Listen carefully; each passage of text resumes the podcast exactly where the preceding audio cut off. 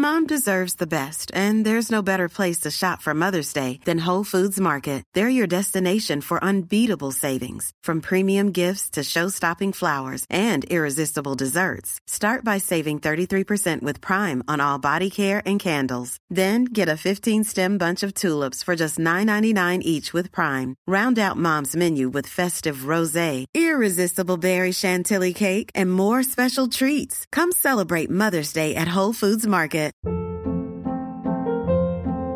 Hold up. What was that? Boring. No flavor. That was as bad as those leftovers you ate all week. Kiki Palmer here, and it's time to say hello to something fresh and guilt-free. Hello Fresh. Jazz up dinner with pecan-crusted chicken or garlic butter shrimp scampi. Now that's music to my mouth. Hello Fresh. Let's get this dinner party started. Discover all the delicious possibilities at hellofresh.com.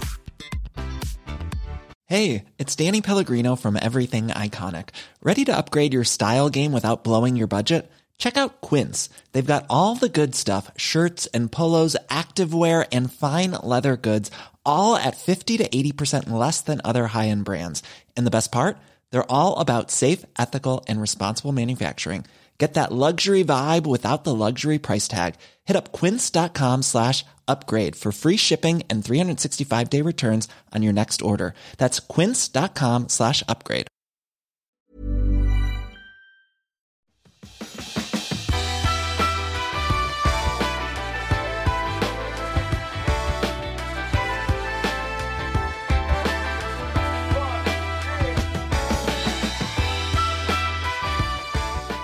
Hej och välkommen till Klimakteriepodden med mig, Åsa Melin. Jag har ett spännande avsnitt här, för vet du vad? Det finns ett stort behov av utbildning i olika delar av vården. Och i en perfekt värld så skulle vi som kvinnor veta att oavsett hur det är och var vi söker så skulle vi få rätt kompetent vård eller slussas vidare om så skulle behövas. För hur mycket vi än sprider allmän information så kommer vi tillbaka till behovet av att få individuell rådgivning och hur viktigt det är att man som kvinna får sin oro stillad och får hjälp utefter sina egna förutsättningar. Det spelar ingen roll hur många hundra avsnitt jag gör av Klimakteriepodden och andra publicerar intressanta artiklar och skriver om det i tidningar och pratar i poddar och på alla olika sätt. Alltså vi måste få med oss vården och här har vi en eldsjäl.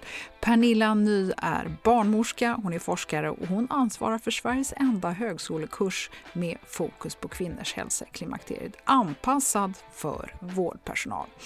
Här i det här avsnittet så får du höra hur hon ser behovet, utmaningarna, frustrationen och hur vi långsamt tassar framåt. Pernilla använder starka ord som att det är en mänsklig rättighet att få kvalificerad hjälp ur ett hållbarhetsperspektiv. Ja, tänk om vi kunde få alla att skriva under på det. Professor Mats Hammar, vars forskning om träning vi talar om i det här avsnittet, hör du i 10. Missa inte de länkar vi talar om heller. De finns naturligtvis på hemsidan och det är klimakteriepodden.se. Där hittar du också andra intressanta, relevanta avsnitt. Använd gärna sökfunktionen som vi nu har förfinat. Klimakteriepodden finns också på Instagram och Facebook. Men nu så, nu kör vi! Välkommen att lyssna!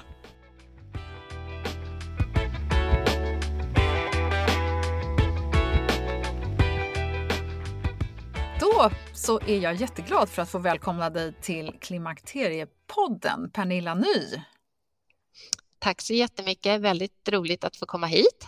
Ja, men det tycker jag också. Det, så, det, det, här blir lite värdefull kunskap för många av oss. Kan du inte berätta vem du är och varför du har ett intresse för klimakteriet? Ja, eh, jag jobbar som barnmorska en dag i veckan på en eh, klimakteriemottagning i Lund. Eh, och sen så arbetar jag också som lärare och forskare på Lunds universitet. Jag eh, är väldigt intresserad av kvinnors hälsa förstås och har liksom grottat ner mig kan man väl säga lite i det här ämnet kring klimakteriet, eh, men också om amning. Men det är klimakteriet vi ska prata om idag vet jag, så jag ska hålla, försöka hålla mig till det, även om de ämnena verkligen berör varandra eftersom det handlar om kvinnor och barns hälsa, men också rättigheter kan man säga. Att man ska få den här hjälpen man behöver när man behöver och utav bra personal. Så det är liksom, det är väl därför jag startade den här utbildningen nu för ganska länge sedan. Eh, men också faktiskt med input och, och förfrågan från kollegor där ute som fanns och finns i Region Skåne. Därför att Region Skåne har ett, ett liksom lite speciellt eh, system kan man väl säga. Vi har ett akkrediteringssystem liksom, som gör att ska man få bedriva viss typ av vård så, så ställs det krav då på mottagningarna och det är ju jättebra. Och just klimakteriebiten så behöver man ha gått en kurs då på 7,5 HP eh, på avancerad nivå och eh, då fick jag den frågan då för ja, vad kan det vara, sju, åtta år sedan, jag kommer inte ihåg längre nu, eh, utav en kollega som är fortfarande verksam just med klimakterierådgivning. Och då ja, tänkte jag att då får vi försöka hjälpa till med det här. Nu skulle jag bara vilja backa bandet, för du är ju då ansvarig för en 7,5 poängs kurs som du precis sa, som nu går digitalt från Lund och den har ursprung på Högskolan i Kristianstad. Och rubriken för den här kursen är Klimakteriet, menopaus och kvinnors hälsa. Och då vill jag veta hur kursen kom till och varför, för du har redan nämnt det här med akkreditering. Ja, men precis. Och det är ju jätteintressant. Och vad som är bakgrunden till Region Skånes akkreditering, det kan inte jag svara på, för det arbetar inte jag alls med.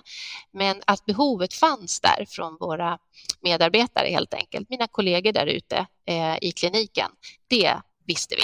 Och de behövde kunskap för att kunna uppfylla den här akkrediteringen.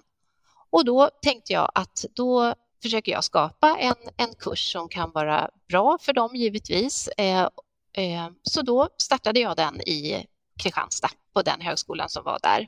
Och sen när jag bytte jobb så fick jag möjlighet att också starta den här på Lunds universitet. Eftersom jag jobbar då också och även nu då på en, en högskola och nu på ett universitet, det är ju det vi gör.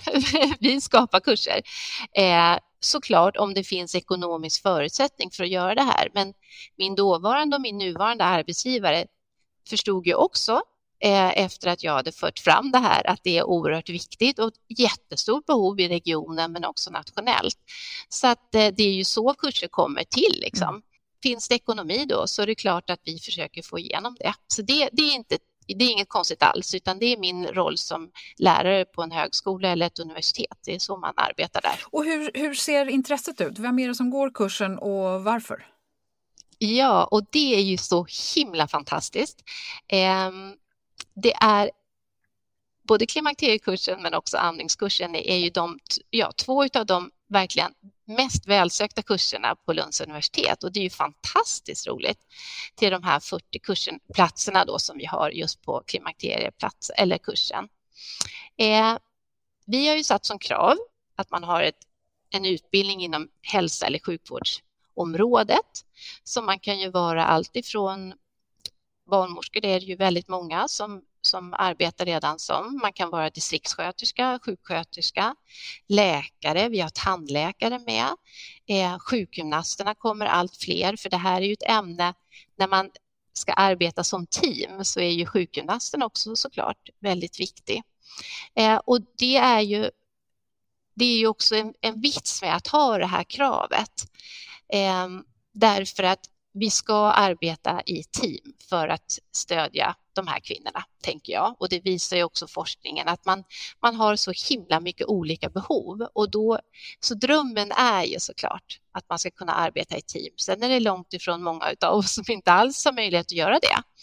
Men kan man då med den här utbildningen sprida kunskapen så kan den individuella medarbetaren då ta med sig den här kunskapen till sin arbetsplats och så kan man eh, försöka börja i alla fall eh, utifrån sitt perspektiv och sen så kanske få med de andra. Det är verkligen så tänket är.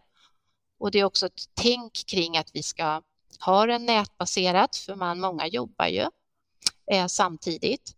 Eh, och den är också på kvartsfart, vilket gör att det är en sju och en halva som är utdragen då en hel termin, vilket gör att tempot blir lite lägre då, så att det ska vara möjligt att kunna jobba samtidigt. Och Pernilla, ser du att det är intresse i hela landet eller är det just i Skåne där mm. den här ackrediteringsproceduren finns? Nej, vi har folk från Lycksele i norr till Malmö i söder. Ja. Helt fantastiskt. För att jag tycker att det är så intressant också hur man eh, alltså kunskapen, man vill åt kunskapen och den, det bubblar, mm. men det är kanske då inte så givet vad man ska göra med den här kunskapen sen. Nej, och det är precis det som många av de som går kursen säger. De blir jättefrustrerade för att de samlar på sig nu massor av kunskap som de dessutom i alla sina sin erfarenhet av möten de vet om att det är rätt kunskap. Det är det som är så kul att många på utvärderingarna säger det att man tar med sig den här kunskapen liksom till nästa dag på jobbet på något vis.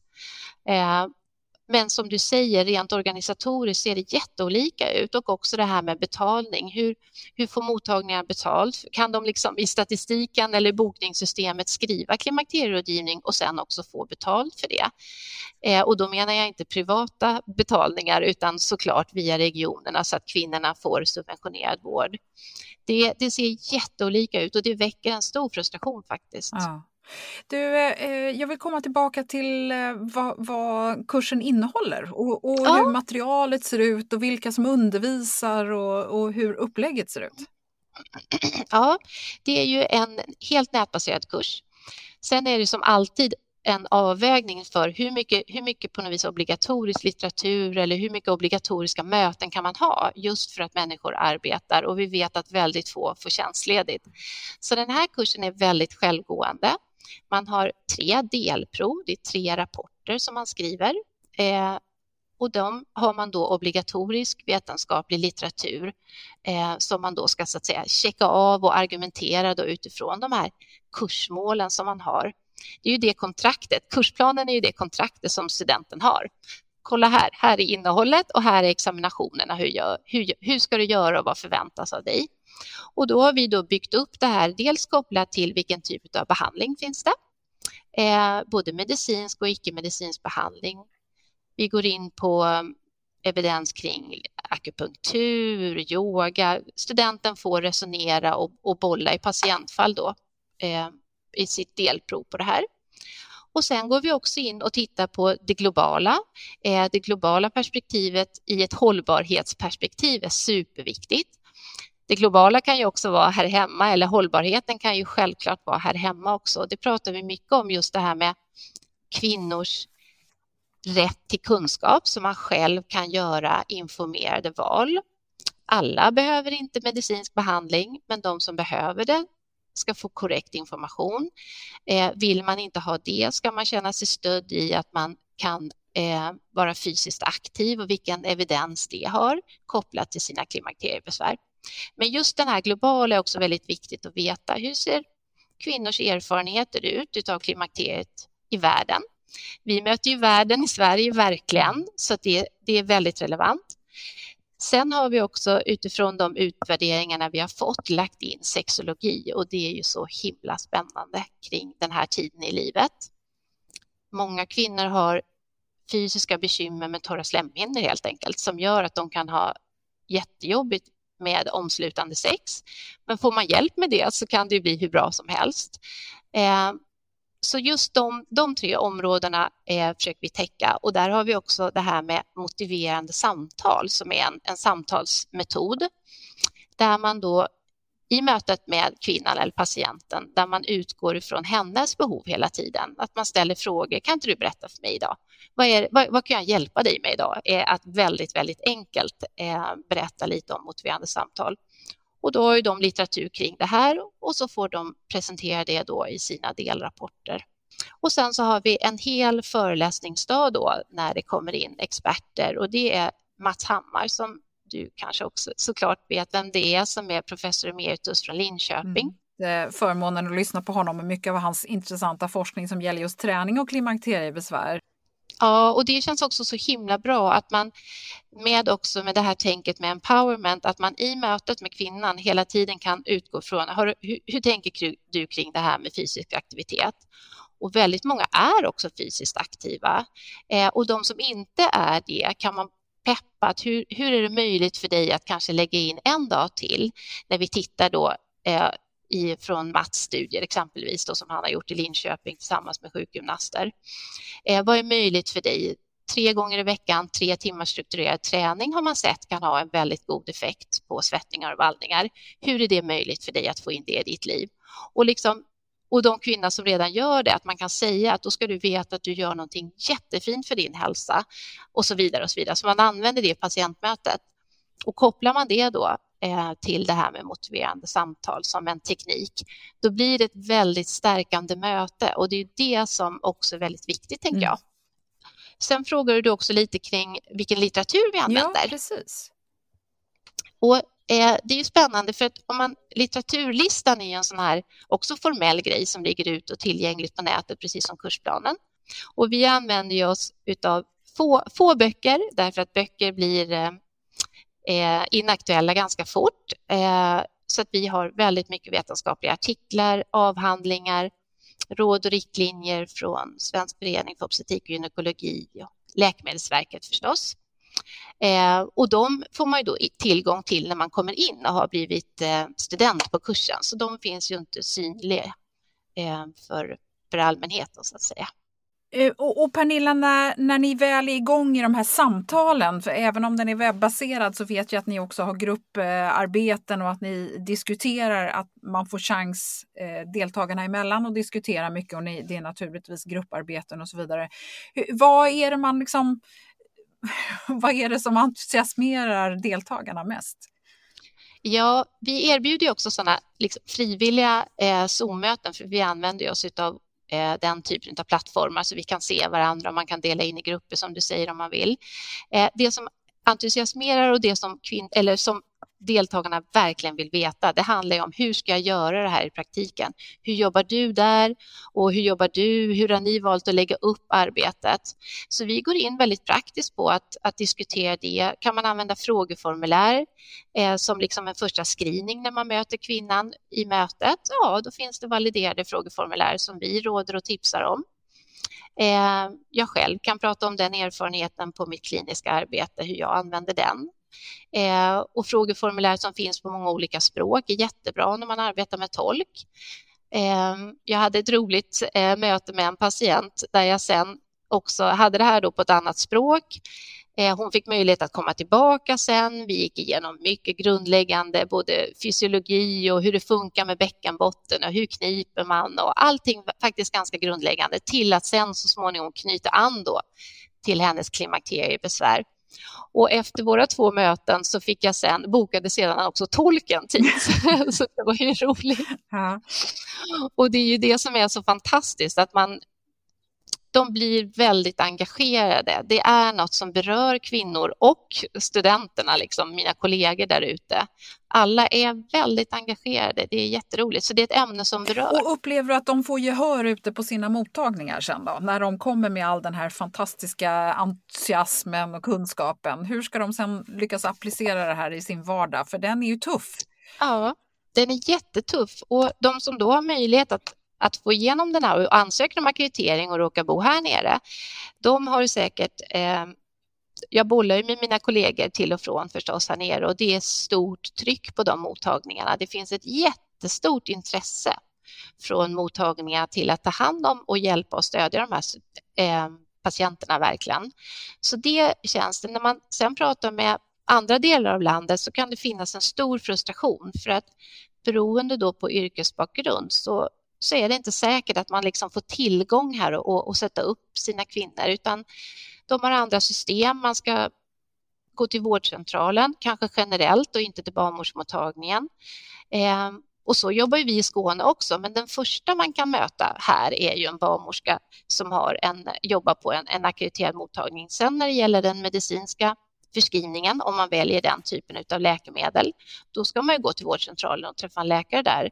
Men vi försöker jobba så som Socialstyrelsen också säger att vi ska man träffar en barnmorska först och sen så, så att säga remitterar vi vidare utifrån kvinnans behov. Men har man har man ett annat system så kan verkligen kvinnorna hamna lite här och där va? och då är det ju också en jätte, jättejobbigt för barnmorskan att på något vis möta det här. Vad 17 jag har den här kunskapen, men hur, hur, ska jag nå dem? För att det är inte praktiskt, man har inte den organisationen kanske. Nej, och sen så finns det begränsningar i hur långa besöken får vara och så finns det begränsningar Jaha. i hur många procent av besöken som får vara mm. av en viss kategori. Ja. Så det, det är ju väldigt, jag tänker att det blir ännu mer frustrerande att sitta med kunskapen och inte få använda den.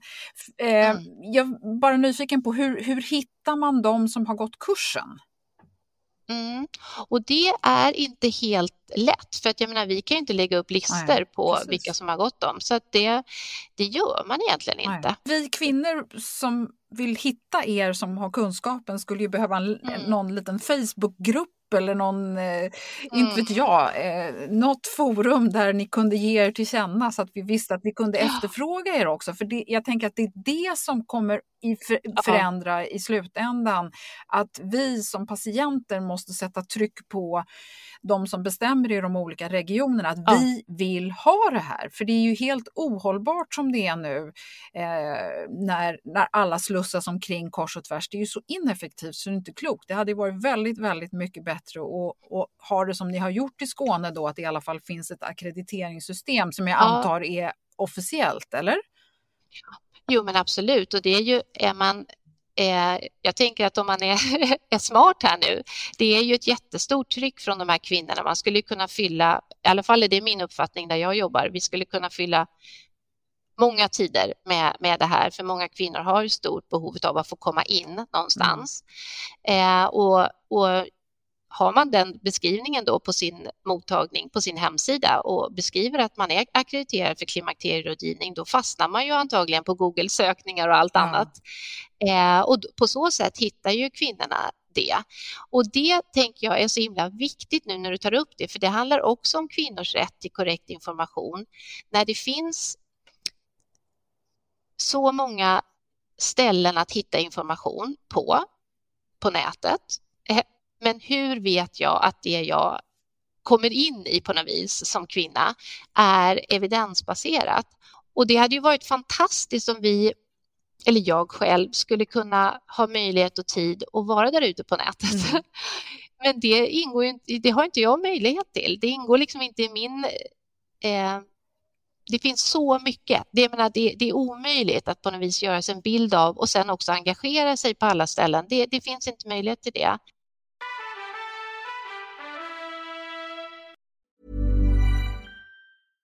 How would you like to look five years younger? In a clinical study, people that had volume added with Juvederm Voluma XC in the cheeks perceived themselves as looking five years younger at six months after treatment. Look younger, feel like you. Add volume for lift and contour in the cheeks with Juvederm Voluma XC. Reverse signs of aging by adding volume to smooth laugh lines with Juvederm Volure XC. For important safety information and to find a licensed specialist, visit juvederm.com. That's J U V E D E R M.com. Not for people with severe allergic reactions, allergies to lidocaine, or the proteins used in Juvederm. Common side effects include injection site redness, swelling, pain, tenderness, firmness, lumps, bumps, bruising, discoloration, or itching. There's a risk of unintentional injection into a blood vessel, which can cause vision abnormalities, blindness, stroke, temporary scabs, or scarring. Talk to a licensed specialist to find out if it's right for you. One size fits all seemed like a good idea for clothes. Nice dress. Uh, it's a it's a t-shirt. Until you tried it on. Same goes for your healthcare. That's why United Healthcare offers a variety of flexible, budget friendly coverage for medical, vision, dental, and more. So, whether you're between jobs, coming off a parent's plan, or even missed open enrollment, you can find the plan that fits you best. Find out more about United Healthcare coverage at uh1.com. That's uh1.com. Burrow's Furniture is built for the way you live. From ensuring easy assembly and disassembly to honoring highly requested new colors for their award winning seating, they always have their customers in mind. Their modular seating is made out of durable materials to last and grow with you. And with Burrow, you always get fast, free shipping. Get up to 60% off during Burrow's Memorial Day sale at burrow.com slash ACAST. That's burrow.com slash ACAST. burrow.com slash ACAST.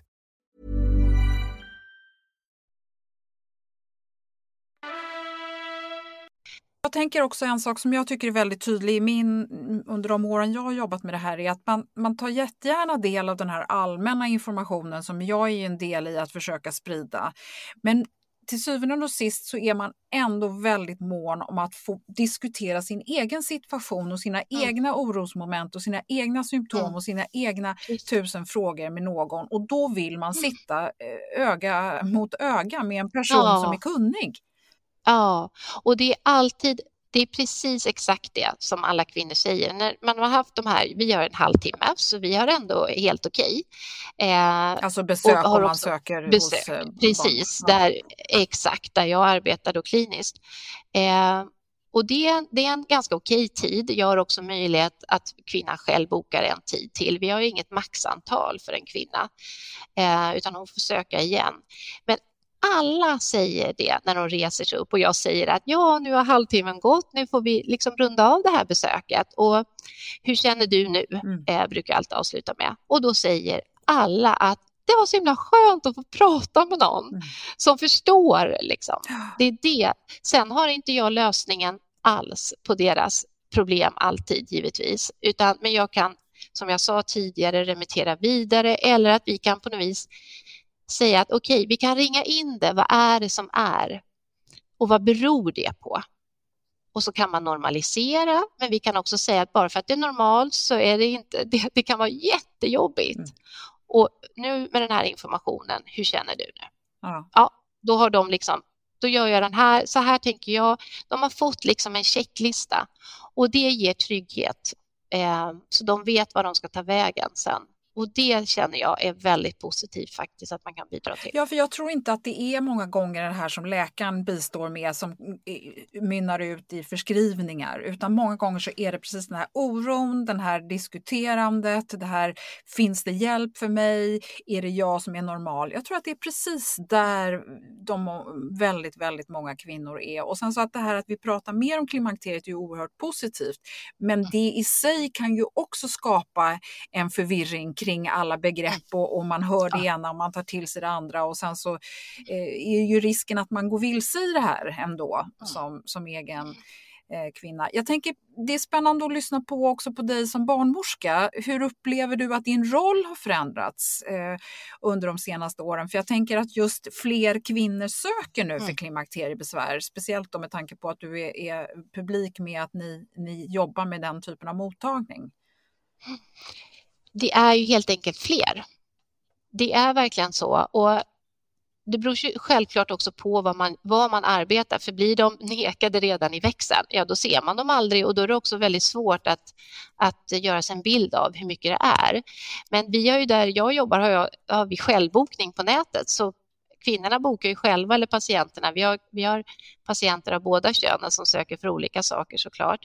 Eh, ju mer vi pratar om det, desto mer kan vi också normalisera och man kan också synliggöra att vissa har väldigt jobbigt, andra har inte alls jobbigt. Och det, det är lika bra vilket som, mm. men det är bara det att de som behöver hjälp ska kunna söka.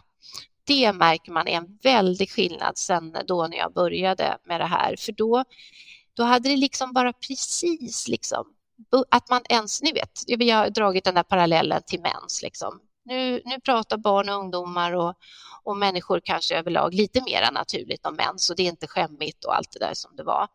Och klimakteriet har ju också varit så. Man har inte velat prata om det för man kanske också som kvinna känner sig utsatt för att det här är inget positivt. Det, syn, det ses inte som positivt. Men när vi får fram det mer, vi pratar om det, då vågar man också söka hjälp. Mm. Det är jätte, jättebra och det är en väldig skillnad nu. Ja, och jag, jag tycker också att det är så viktigt där att man förstår att det inte är ens fel om man har jättemycket besvär eller mindre besvär. Vi vet alla att ja, man ska inte stressa, man ska träna, man ska äta bra. Så, ja, men oavsett hur perfekt du än är med de här olika parametrarna kan du få klimakteriebesvär som du behöver ordentlig medicinsk hjälp med eller åtminstone bli lugnad med.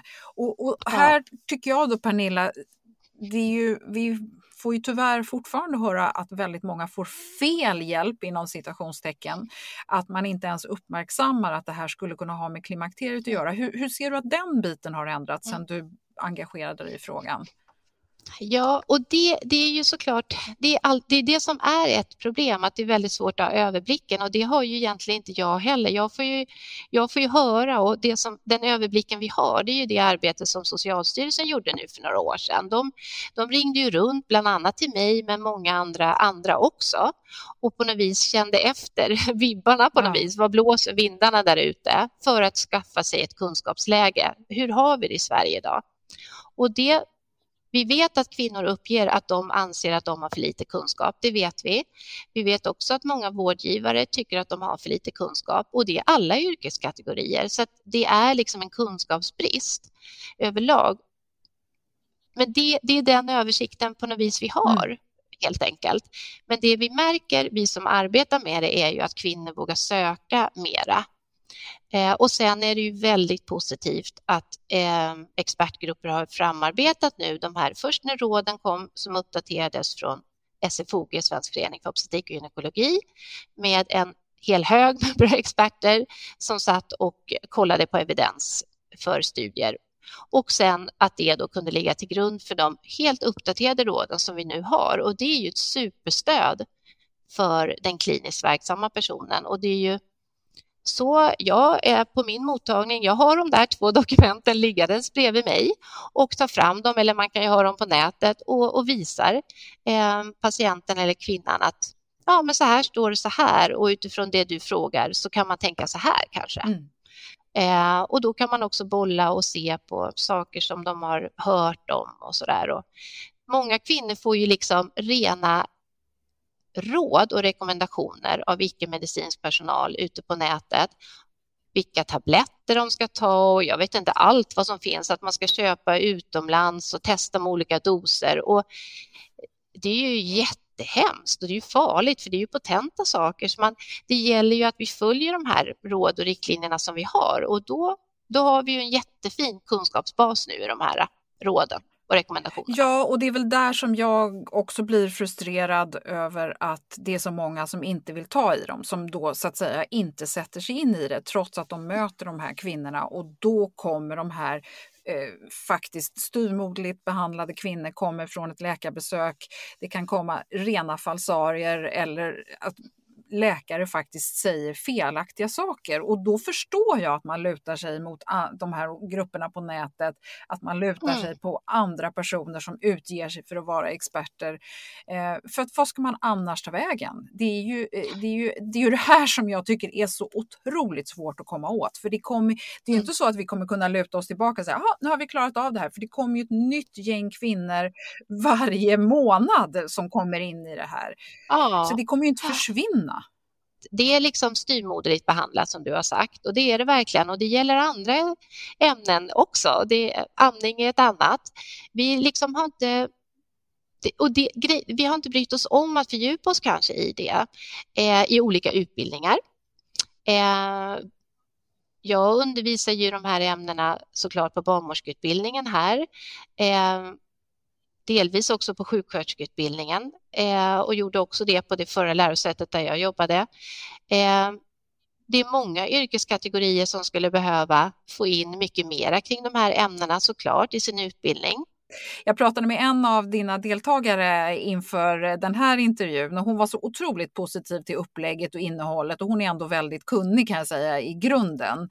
Men eh, hon var också förvånad över hur, hur generellt låg kunskapen var och det här är ändå kvinnor som så att säga av något skäl har intresserat sig i klimakteriefrågan och bestämt sig för att jag vill lära mig mer och då har man ju oftast lite kunskap när man inser att man vill mm. veta mer. Ah, ja, det, att det på något sätt så måste det finnas ett jättehål som eh, mm. ja, är svårt att fylla med 40 platser per termin tänker jag. Ja, och det, vi har inte ens vi har inte ens varje termin den här utbildningen utan vi har ju, nu blir det en gång om året för det, det är ju också så att vi, det är ju också väldigt svårt. Det är ju en ekonomisk sak också kopplat till hur man driver kurser och så vidare. Så att det är ju, ekonomin kommer in på alla ställen mm. såklart och, och också resurser. Eh, vilka är det vi kan ta in som kan jobba med det här och så vidare. Det gäller ju att man har ett väldigt stort intresse. Ja, det är ju som med allt liksom. Mm. Så att det, det handlar även om resursbrist även där. Mm. Eh, så vi, vi hade nog kunnat fylla med tanke på det höga söktrycket så hade ju vi kunnat haft flera kurser många gånger om året. Har du fått någon efterfrågan från någon annan del av landet att göra något liknande? Något annat eh, universitet eller högskola?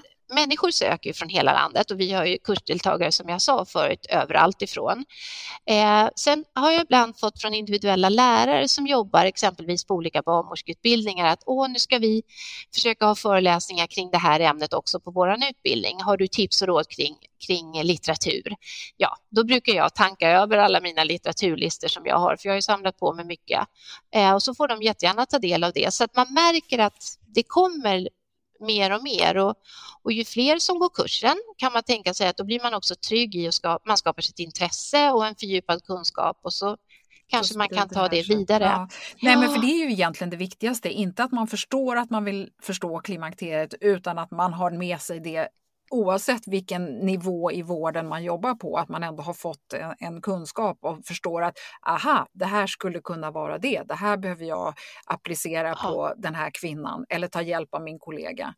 Du, ja, men precis. Eh, Pernilla, jag är ju också nyfiken på att eh, det här med att vanliga kvinnor sätter press på, eh, på vården.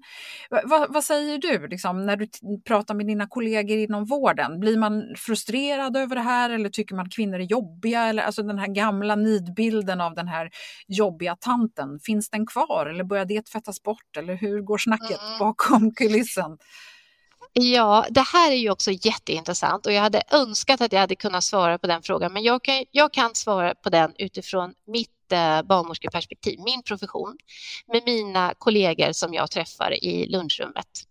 Eh, eller kollegorna på kursen så att säga. De kan jag också prata om, men de är ju, det är ju en speciell grupp. De är superintresserade och också oerhört ödmjukt inställda till kvinnors behov. Eh, så där har vi inte alls den här nidbilden, utan vi vill verkligen, verkligen hjälpa. Men sen om den florerar där ute, det gör den nog eh, tyvärr, men det är ju inget som jag med säkerhet kan säga. Man hör ju bara, man hör ju de patientberättelser som kommer. Mm. Och då är det inte alltid bra, såklart. Nej. Det finns de som har dåliga erfarenheter, men sen självklart finns det också de som har blivit väldigt fint hjälpta. Eh, de träffar på den här jättefina gynekologen som utifrån sitt expertområde kunde hjälpa perfekt. Mm. Eh, såklart finns det det, men med de här cellproven som, som kvinnor erbjuds från 23 år och uppåt, att man gör en självtest först hemma.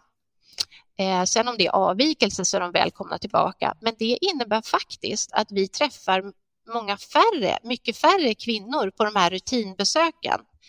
Och det är ett, eh, som jag menar, ett problem. Därför att då hade vi möjligheten, eller och kvinnorna främst hade möjligheten på den här tio minuter eller kvarten vi hade på oss att bara samtidigt säga att du har så himla torra slemhinnor, det gör så ont när jag har omslutande sex.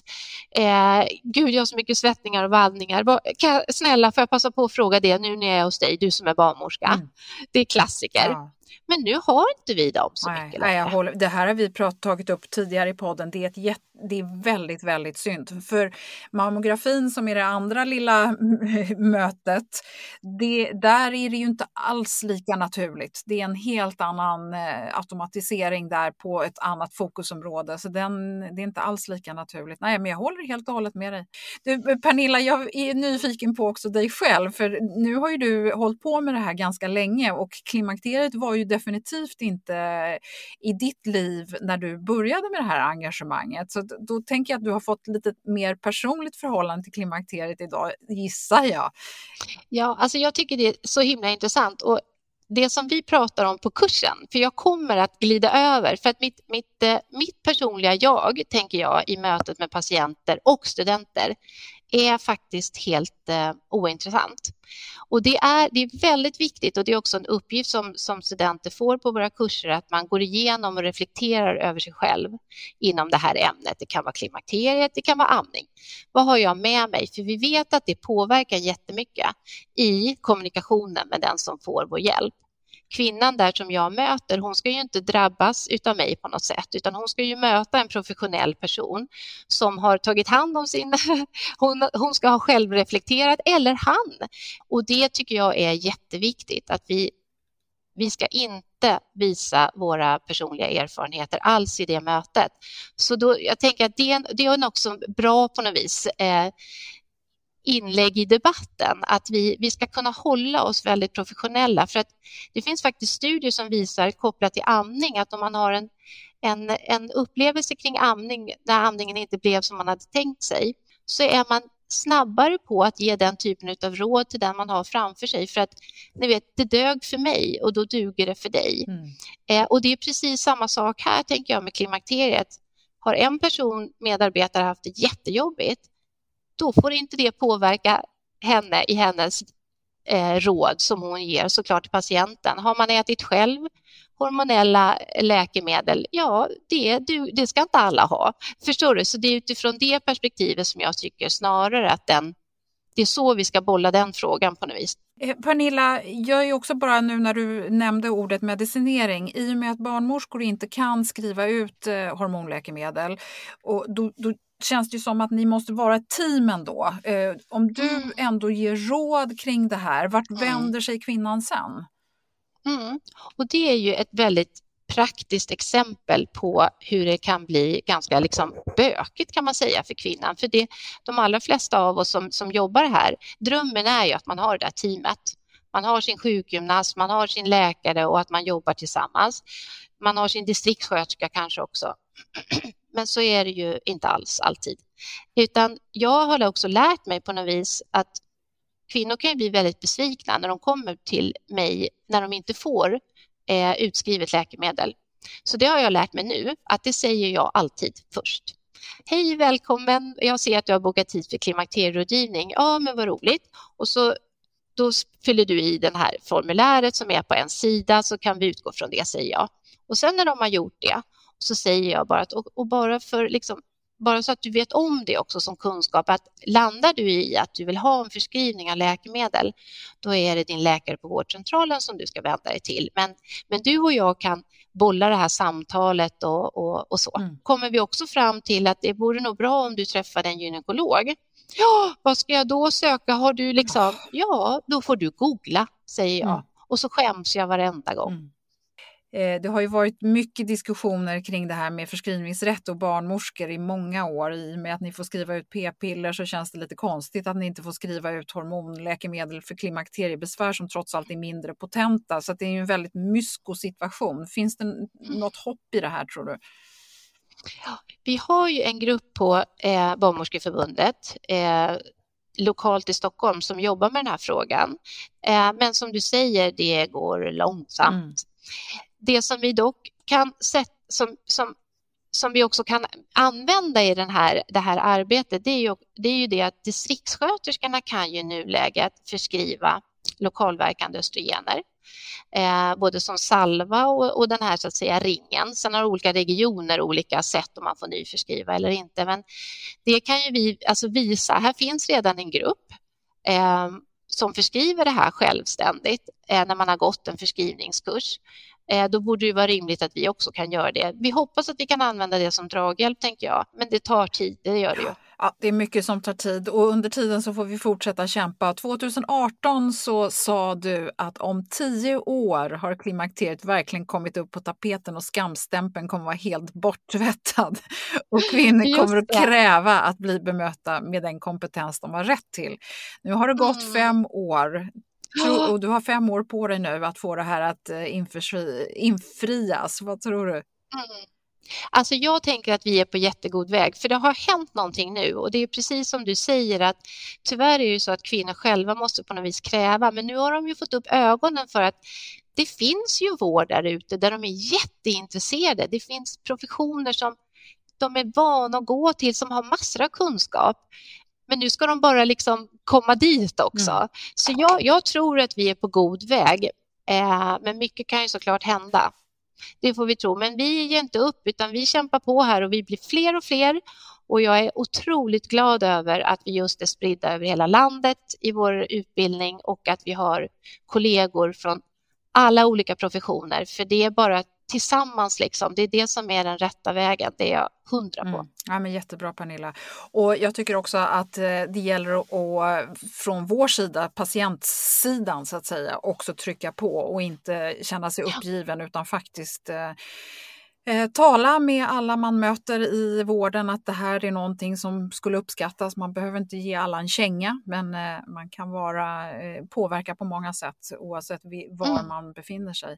Vi lägger upp en mm. länk till Kursguiden för den som är intresserad av att läsa det. Är det något mm. mer vi ska lägga upp någon länk till Pernilla? Eh, det skulle i så fall vara de här råd och riktlinjerna för de är ju öppna för spridning och även människor som inte har stort intresse i det rent på något vis medicinska är ju de här jättebra mm. tycker jag. Så kan man ju snöa in på det som man själv tycker. Så, så Läkemedelsverkets eh, senaste från maj 2022 är det. Mm. Och de kan man hitta på klimakteriepodden.se så finns både länk till eh, Svensk förening för obstetrik och gynekologis eh, riktlinjer och även Läkemedelsverkets riktlinjer som är de senaste tillgängliga.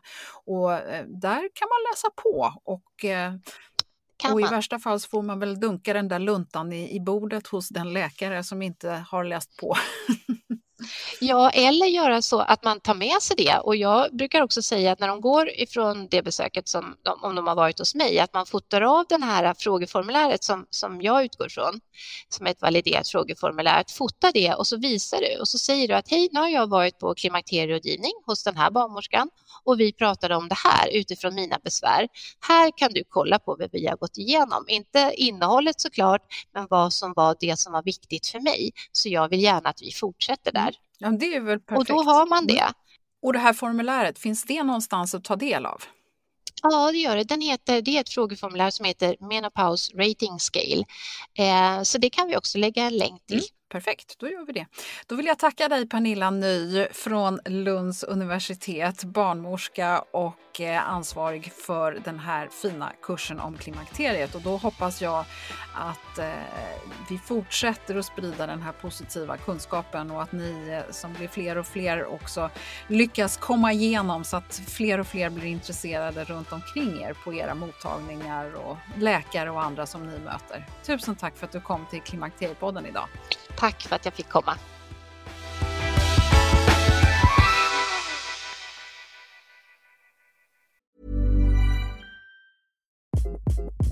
Hi, this is Craig Robinson from Ways to Win, and support for this podcast comes from Invesco QQQ the official ETF of the NCAA. Invesco QQQ is proud to sponsor this episode and even prouder to provide access to innovation for the last 25 years. Basketball has had innovations over the years too. We're seeing the game played in new ways every day. Learn more at Invesco.com slash QQQ. Let's rethink possibility. Investco Distributors, Inc. Planning for your next trip? Elevate your travel style with Quince. Quince has all the jet setting essentials you'll want for your next getaway, like European linen, premium luggage options, buttery soft Italian leather bags, and so much more. And is all priced at 50 to 80% less than similar brands. Plus, Quince only works with factories that use safe and ethical manufacturing practices. Pack your bags with high-quality essentials you'll be wearing for vacations to come with Quince. Go to quince.com/pack for free shipping and 365-day returns. Planning for your next trip? Elevate your travel style with Quince. Quince has all the jet-setting essentials you'll want for your next getaway, like European linen, premium luggage options, buttery soft Italian leather bags, and so much more. And is all priced at 50 to 80% less than similar brands. Plus, Quince only works with factories that use safe and ethical manufacturing practices. Pack your bags with high-quality essentials you'll be wearing for vacations to come with Quince. Go to quince.com/pack for free shipping and 365-day returns.